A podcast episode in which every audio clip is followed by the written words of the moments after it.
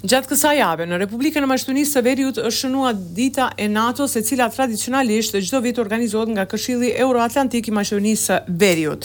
Në këtë aktivitet ishte i pranishëm kryeministri Dimitar Kovaçevski dhe ministrja e Mbrojtjes Slavjanka Petrovska. Në këtë ngjarje gjithashtu me një videofjalim është paraqitur Carmen Romero, Zëvendësndihmës sekretare e përgjithshme për diplomaci publike të NATO-s si dhe ambasadorja e Shteteve të Bashkuara të Amerikës në Maqedoninë e Veriut Kate Byrnes.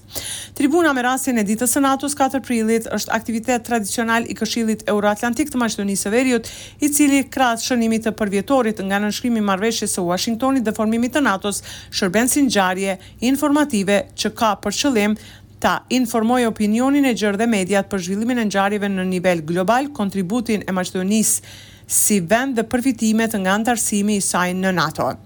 Në anën tjetër, ministri i Jashtëm Bujar Osmani, ka denoncuar celula dhe struktura brenda institucioneve shtetërore të cilat po punojnë për prishjen e marrëveshjes së mundshme në mes Maqedonisë së Veriut dhe Bullgarisë. Osmani në takim me gazetarë ka thënë se një rast konkret, i cili sipas tij ka për qëllim të mbajë të hapur çështjen mes Shkupit dhe Sofjes,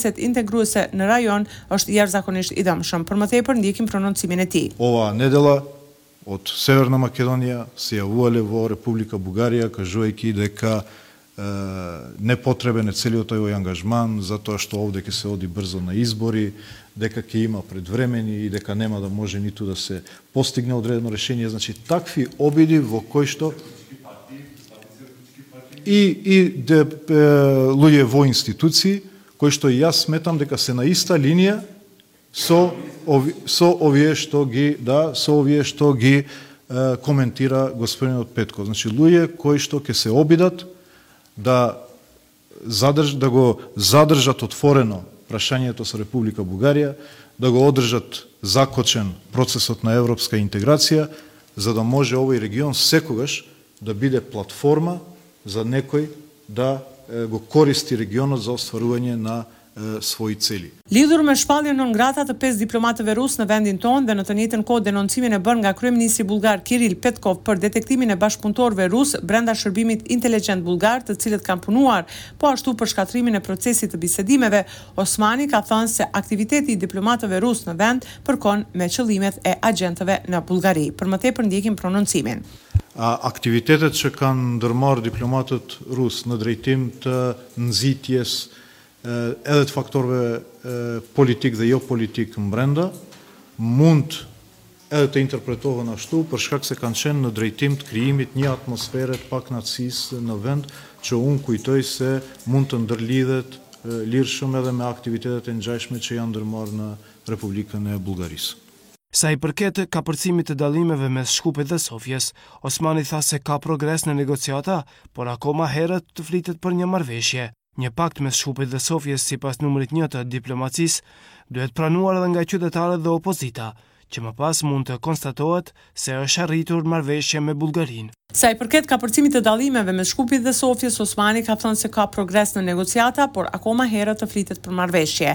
Një pakt mes Shkupit dhe Sofjes, sipas numrit një të diplomacisë, duhet pranuar edhe nga qytetarët, edhe nga opozita që më pas të mund të konstatohet se është arritur ndonjë marrëveshje me Bullgarinë, ka thënë Bujar Osmani. E bujshme ka qenë edhe ngjarja lidhur me paraburgimin e Sekretarit të Përgjithshëm të Qeverisë i cili është dorëhequr menjëherë Muhamet Zeqiri. Ai me polici është dërguar në burgun e Shkupit dhe me propozim të Prokurorisë Themelore Publike për ndjekjen e krimit të organizuar dhe korrupsionit, për caktimin e masës së paraburgimit, Ky person dyshohet për kryerjen e veprës penale keqpërdorim të pozitës dhe autoritetit zyrtar, me ç'rast do të jetë edhe tridhjetë ditë në paraburgim. Ai menjëherë ka falënderuar kryeministrin Kovaçevski për detyrën dhe besimin e dhënë, ndërkaq ka thënë se është i gatshëm të ballafaqohet me organet e drejtësisë deri në zbardhjen e tërësishme të rastit. Në anën tjetër, arsimi vazhdon grevat për rritjen e pagave. Kryeministri Kovaçevski është shprehur kështu. Dokolku gi zgolemime platite. Nëse rrisim pagat aq sa kërkon sindikata, kjo mund të prodhojë presion shtesë inflacioni, ndërsa presioni shtesë i inflacionit do të thotë që paga që do të marrin punëtorët nuk do të vlejnë pas një kohe shumë të shkurtër. Nëse inflacioni rritet, atëherë shtoi kryeministri, detyrimi i Bankës Popullare do të jetë që të ndërhyjë duke rritur normat e interesit. Shto znaçi deka i dolgovite koi shto gi imaat graxhanite. Që do të thotë se edhe borxhet që qytetarët i kanë në llogaritë rrjedhëse të kartave të kreditit, me rritjen e normave të interesit do të rriten edhe detyrimet e tyre për pagesë. Konfederata e Sindikatave të Lira e cila përfaqëson të drejtat e të punësuarve nën ombrellën shtetërore, në të cilën është anëtar edhe SASHK-u, para disa ditësh përmes një proteste paralajmëruese thanë se nuk pranojnë më të punojnë nëse nuk u rriten denjësisht pagat e tyre.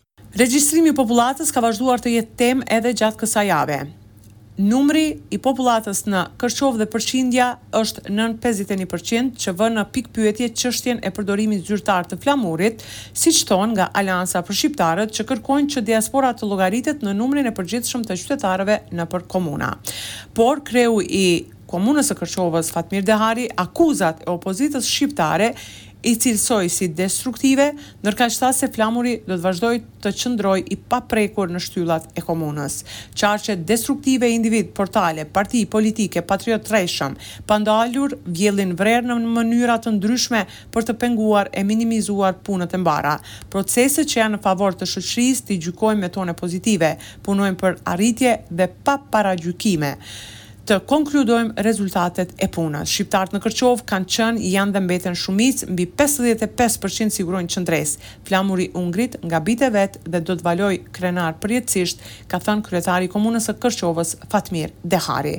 Sipas të dhënave të regjistrimit të fundit të popullatës, në Kërçovë jetojnë tridhjetë e nëntë mijë e gjashtëqind e gjashtëdhjetë e nëntë banorë apo dyzet e një pikë njëzet e shtatë për qind prej tyre shqiptarë dhe dyzet pikë tridhjetë e tetë për qind maqedonas. Për dallim nga regjistrimi i vitit dy mijë e dy, në regjistrimin e fundit, në Kërçovë ka rreth shtatëmbëdhjetë mijë banorë më pak.